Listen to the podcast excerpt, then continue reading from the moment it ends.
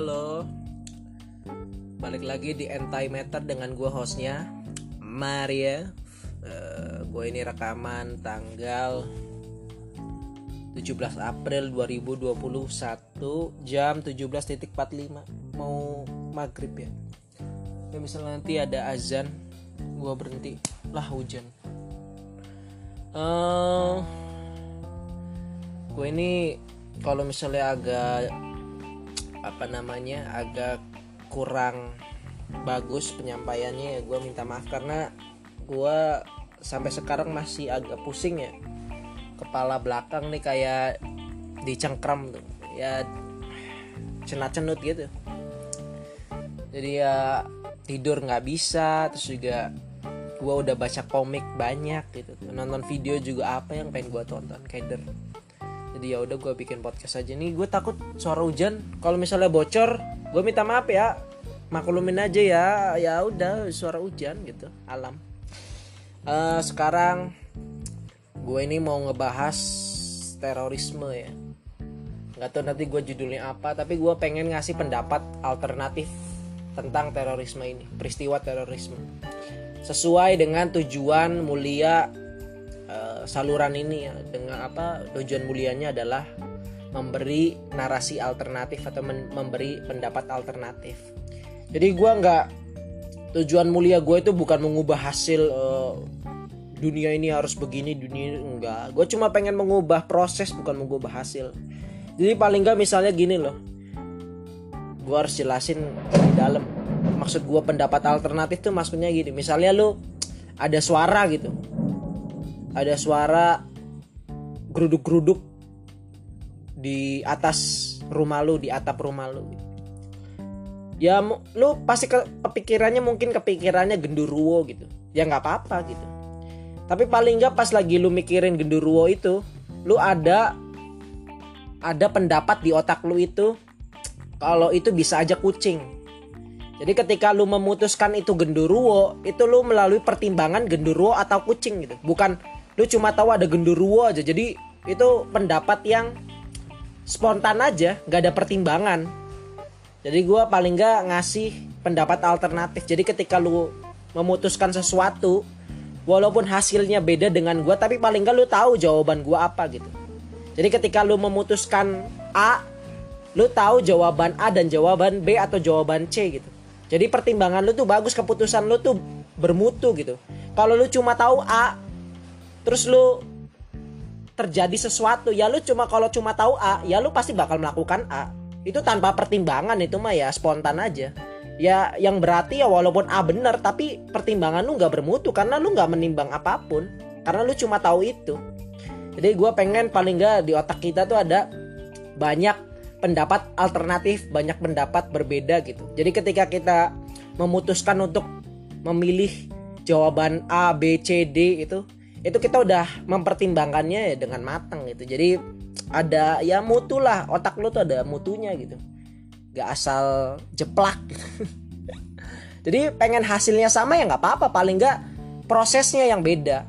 Hasilnya sama ya nggak apa-apa. Prosesnya gue lebih fokus kepada proses. Hasil mah ya terserah lah. Hasil yang ngaco ya nggak apa-apa. Yang penting ada prosesnya. Prosesnya itu bermutu gitu.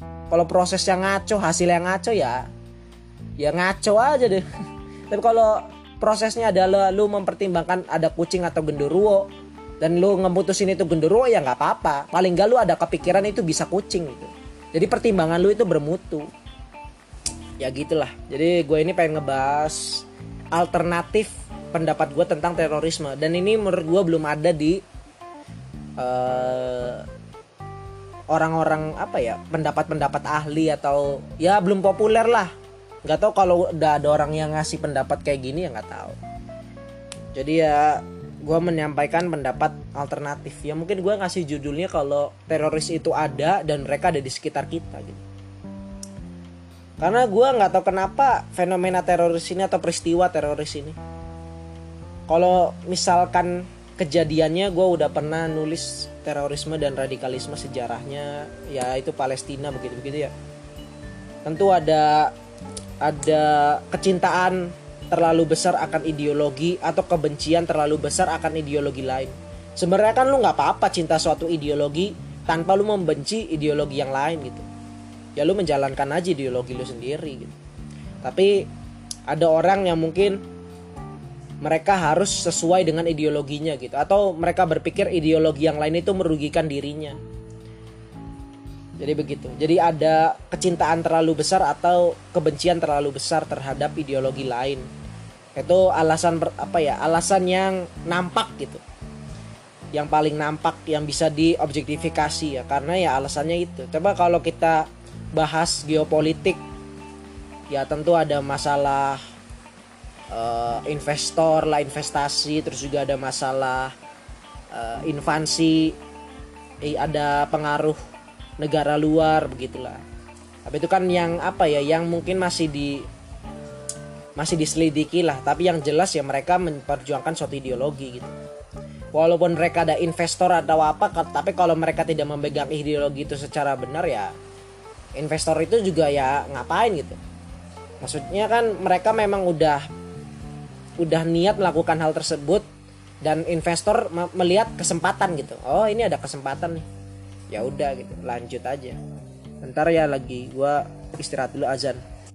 Oke kita lanjut uh, ya banyak banyak juga uh, pendapat-pendapat lain kalau masalah kemakmuran, masalah uh, ya merasa terjajah gitu banyak masalah lain. Ya intinya mah kemakmuran lah yang itu merasa terjajah atau kurang kurang makmur secara kelompok. Jadi mereka benci ketika ada orang yang lebih di atas kelompoknya itu.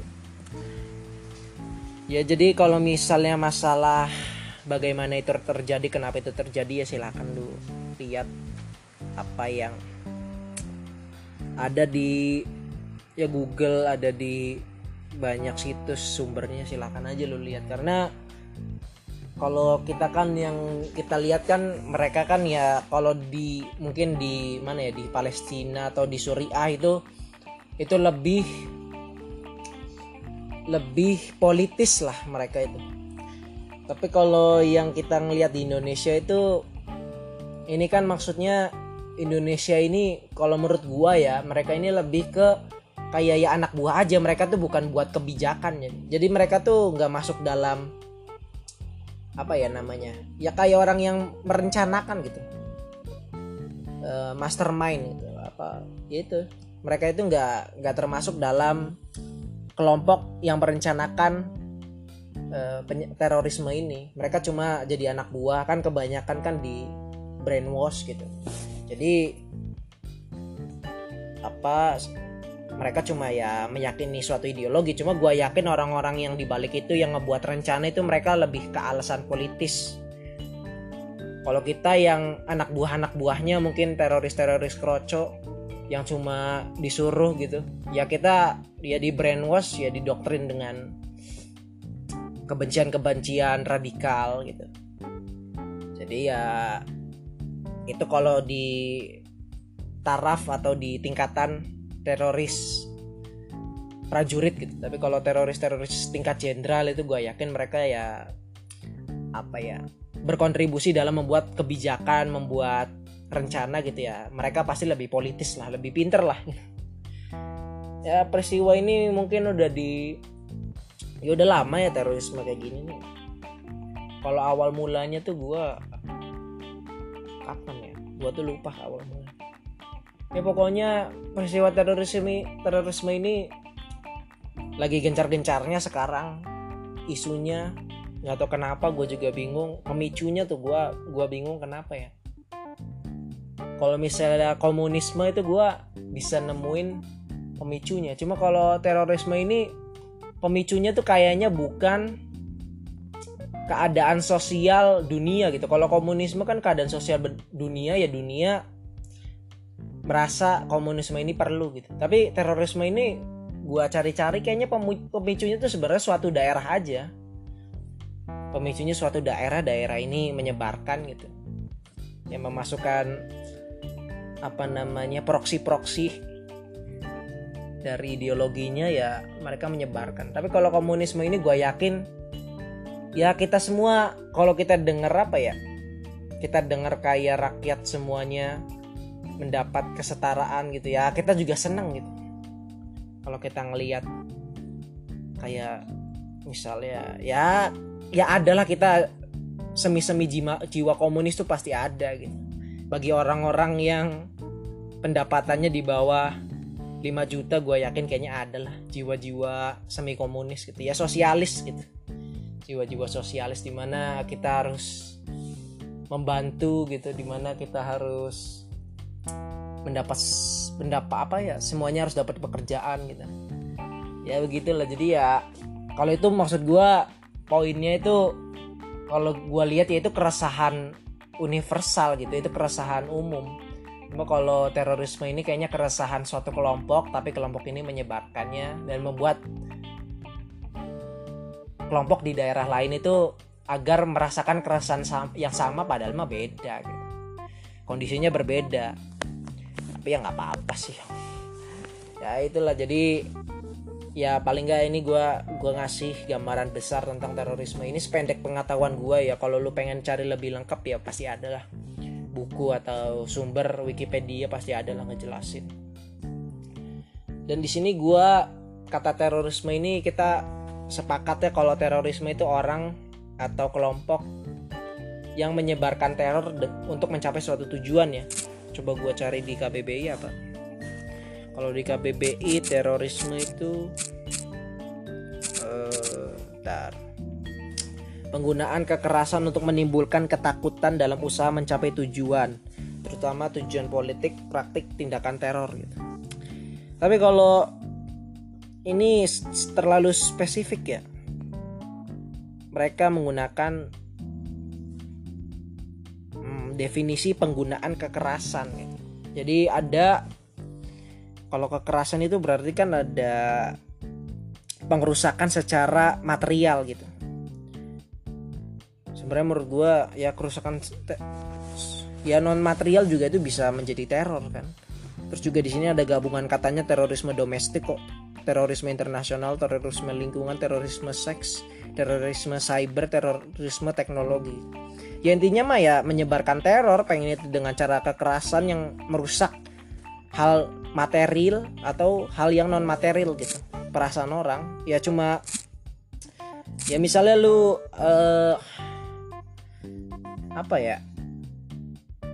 Ya misalnya kayak kita ya kayak kemarin lah 2012 itu menurut gue itu orang yang nyebarin kalau 2012 itu kiamat harus ditangkap itu. Dia menyebarkan teror itu.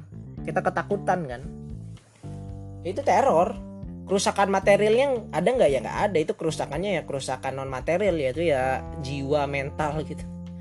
Mental umat manusia. 2012 kiamat. Malah sampai sekarang 2021 berarti udah berapa tahun? Uh, tiga 8 1 berarti udah 9 tahun. Ya kiamat. Itu menurut gue ya itu dia juga menyebarkan teror termasuknya. Walaupun itu itu ramalan cuma kan ini bukan teror ini bukanlah sebuah apa ya bukanlah sebuah sebab tapi akibat. Teror ini bukan sebuah aktivitas yang memang harus di rencanakan atau ditunjukkan untuk membuat orang ketakutan. Enggak kadang-kadang juga mungkin tujuan orang ini baik tapi orang ketakutan ya. Tapi itu didefinisikan sebagai hal tersebut didefinisikan sebagai teror itu bisa aja.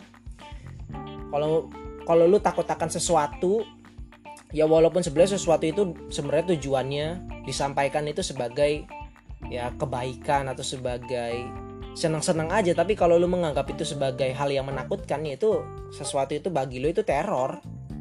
Teror itu efek eh, teror itu akibat bukan walaupun saya nggak ada niat kok menyebarkan teror. Ya tapi kalau kita pada ketakutan dengan berita atau pendapat orang ya itu teror gitu.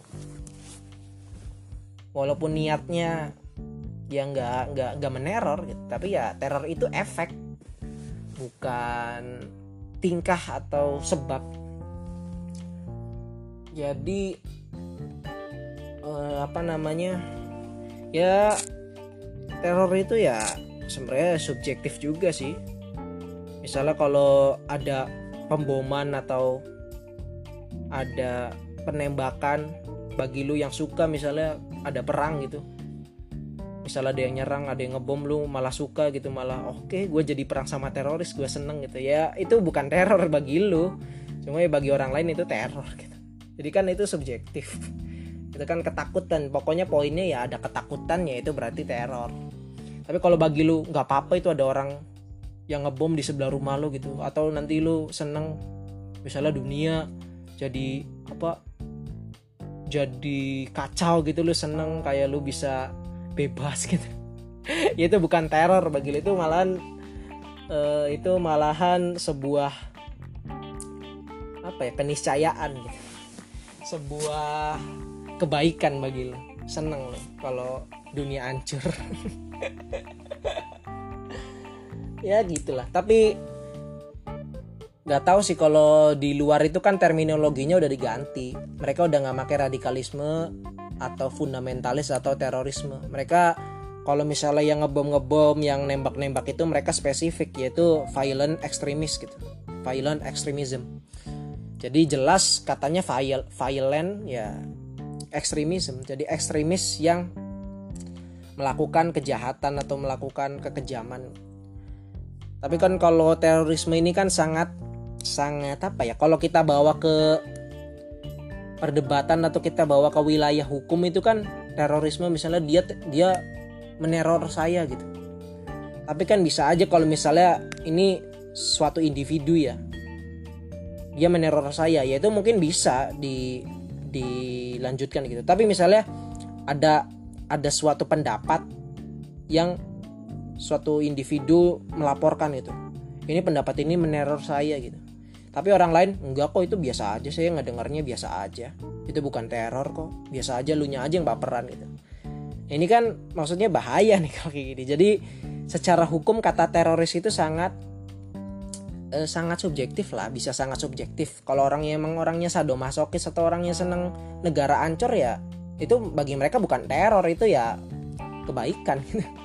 Jadi ya kata itu ya diganti gitu. Atau radikalisme radikal itu kan itu bisa diartikan juga radix mengakar gitu ya. Berpikir mengakar berpikir sampai sejelas-jelasnya seterang-terangnya. Jadi kadang-kadang juga lu lu ini radikal itu. Itu ya bisa jadi pujian. Orang yang radikal itu kan bisa aja orang yang berpikir dengan mengakar dengan sejelas-jelasnya gitu.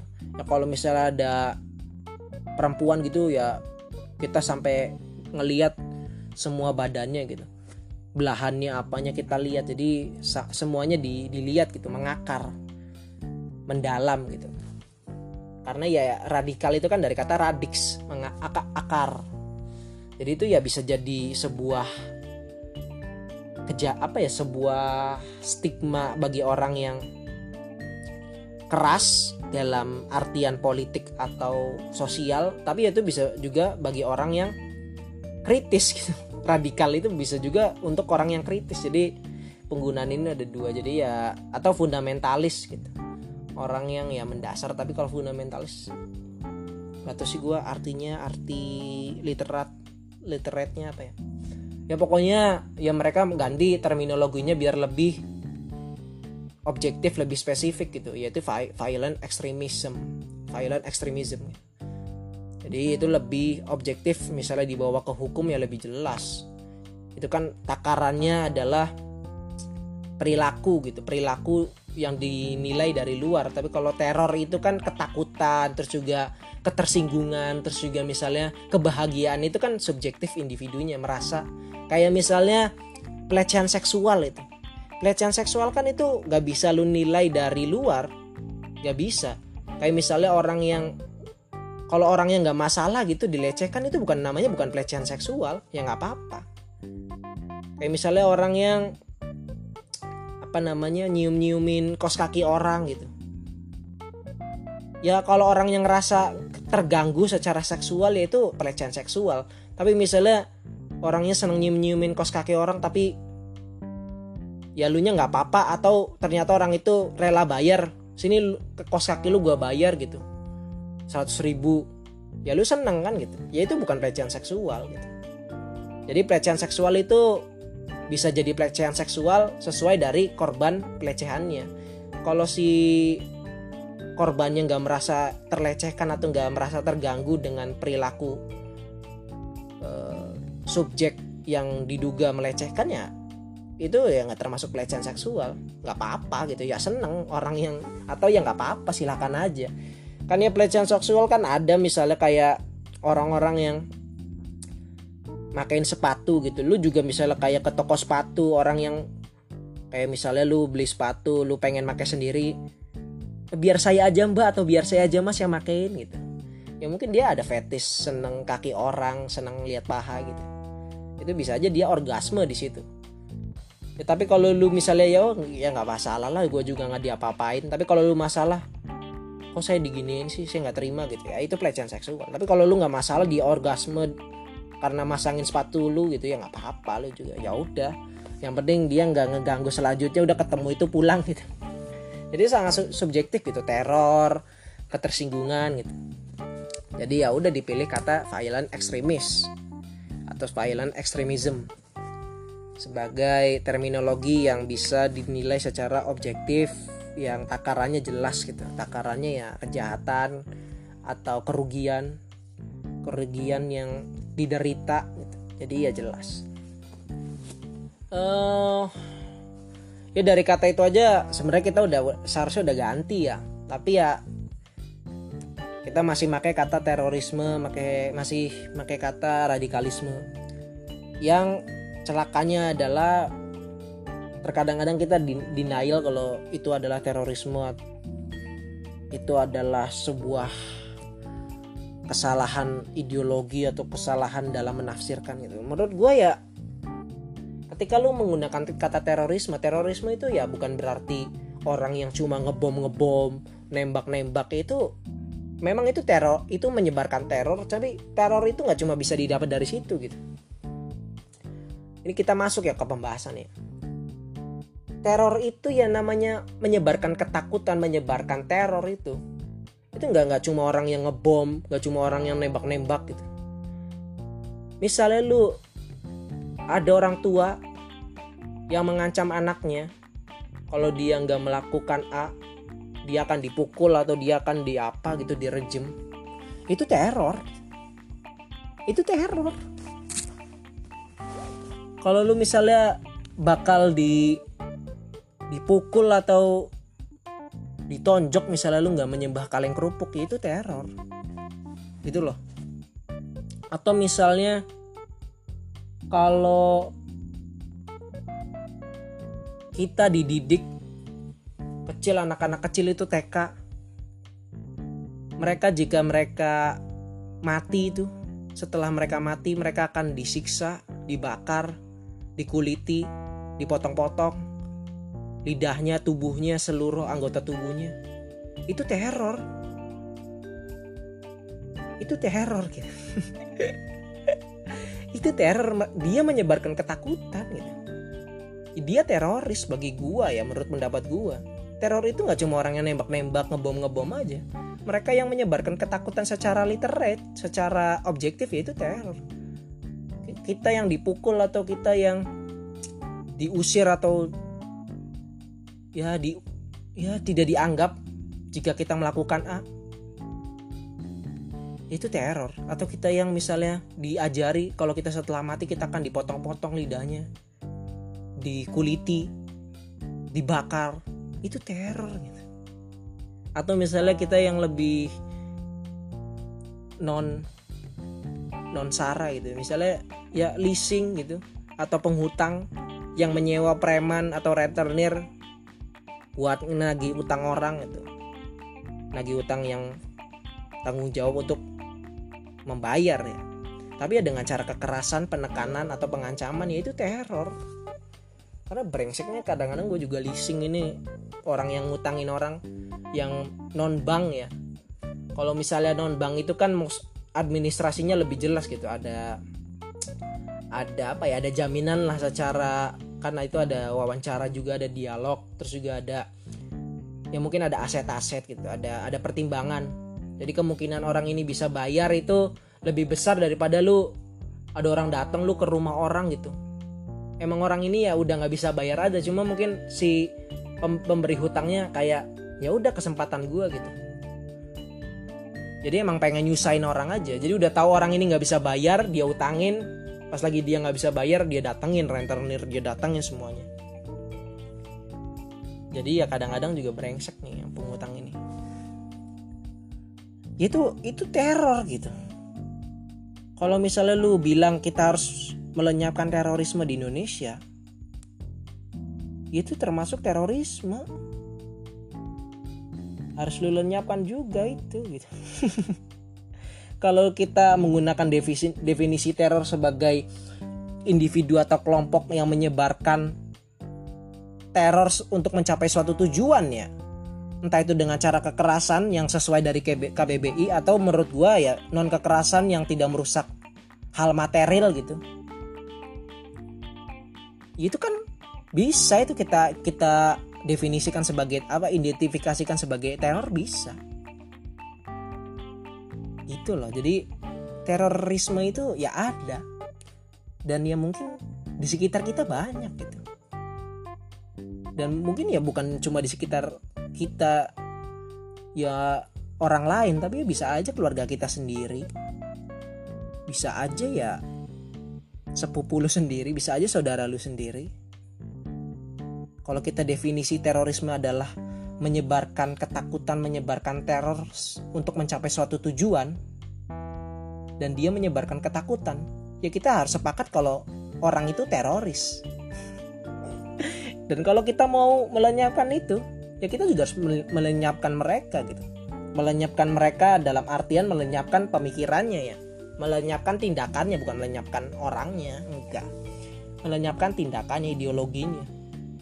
Cara dia dalam mengajar cara dia dalam memerintah. Jadi gue nih kok orang kadang-kadang denial terorisme nggak ada terorisme nggak ada. Loh terorisme tuh ada ya? Terus juga mungkin tetang tetangga lu juga teroris gitu. Itu di sebelah rumah lu di sebelah rumah lu juga mungkin teroris. Anak-anak yang dipukulin kalau dia nggak nggak nyembah kaleng kerupuk ada gue ngeliat ada orang yang nggak pakai kain gitu kain kepala. Dia dari kosan ditarik sama orang tuanya. Dihina pelacur dihina jual badan dipukulin dijambak-jambak. Karena dia nggak mau make kain kepala. Yaitu teror. Orang tuanya teroris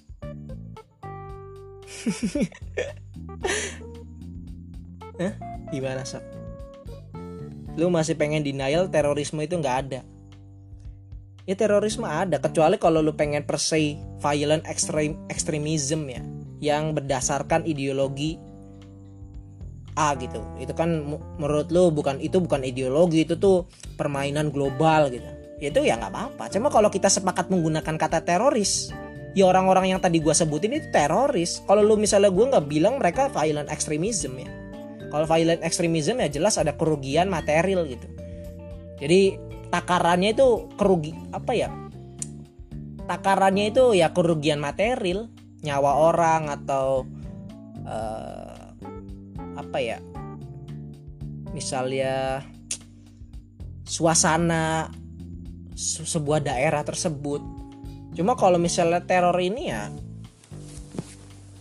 teror ini kan takarannya ya orangnya itu sendiri nggak ada ta- apa ya takarannya ya nggak nggak susah diobjektifikasi jadi kalau memang kita sepakat untuk menggunakan kata terorisme ya terorisme itu banyak gitu.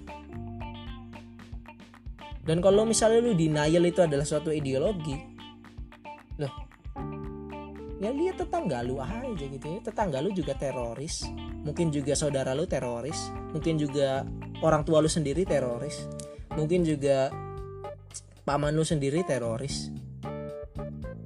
Teroris banyak. Ya nggak apa-apa sih. Itu kan maksudnya ya proses aja. Gue gua gua nggak masalah. Cuma ya kalau kita sepakat ya pakai kata terorisme ya gue mendefinisikan itu mengidentifikasi itu sebagai teroris. Orang yang menyebarkan teror untuk mencapai suatu tujuan. Oke? Gitu aja sih ya gitulah uh, semoga nggak nggak terlalu apa ya nggak terlalu mungkin nggak terlalu mengganggu lah di kuping lu di otak lu. Ya gue cuma ngasih pendapat alternatif aja gue cuma merubah proses hasilnya hasilnya gak menghasilkan apa pun yang apa ya nggak nggak merubah apa pun ya nggak apa-apa. Paling nggak prosesnya berubah gitu. Jadi ketika lu mikir teroris teroris itu ya teroris itu ya nggak cuma yang ngebom ngebom itu kan. Itu loh kata teroris itu ya.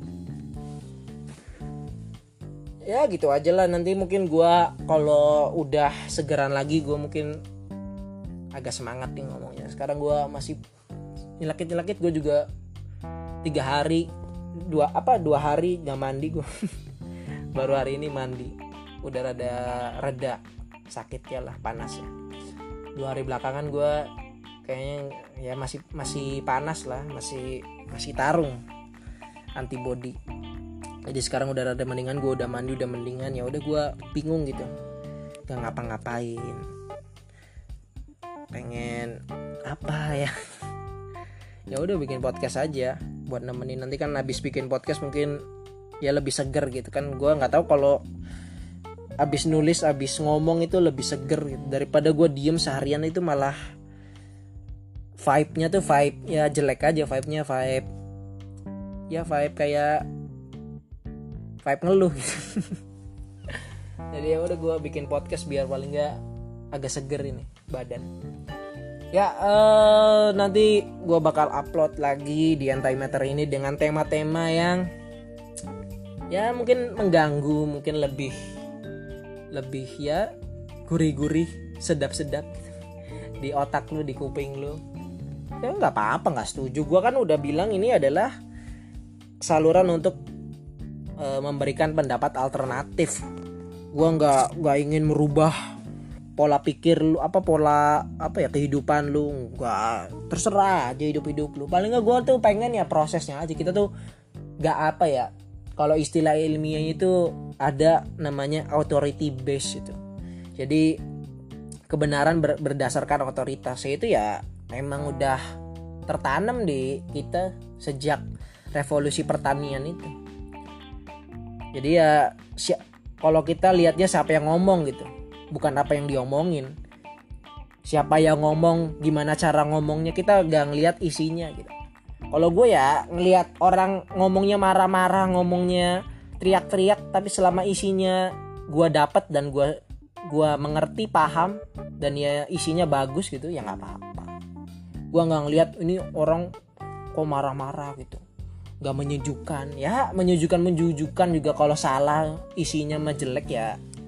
Ya ngapain menyejukkan kalau gue ya lebih fokus sama isinya gitu.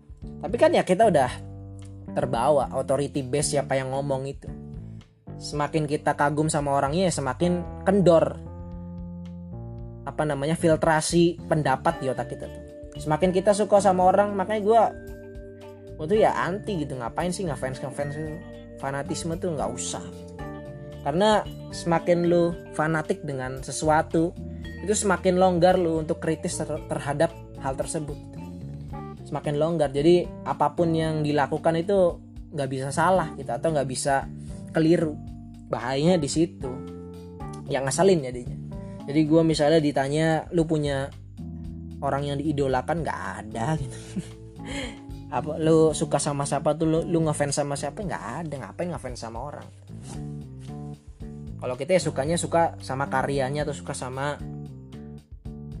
apa namanya pendapatnya. Kalau sama orangnya personalnya ya personalnya nggak semuanya sesuai dengan apa ya personal sama dengan bener. Kalau pendapat kan ya itu statis gitu. Itu nggak berubah. Cuma kalau orang itu kan dinamis. Mungkin orang itu sekarang bener cuma ya nanti suatu hari salah ya emang, emang pengen terus lu bela gitu ya. Udah salah yang ngomong kita salah gitu keliru udah selesai. Ya gitu aja uh, gua Mariev ini gua udah keringetan. Ngomong sambil gak kipasan gue aduh. Ya gitu aja uh, gue mau mandi nih. Ya nanti kita balik lagi di Antimatter dengan gue host Mari hostnya Mariev di episode episode berikutnya. Dadah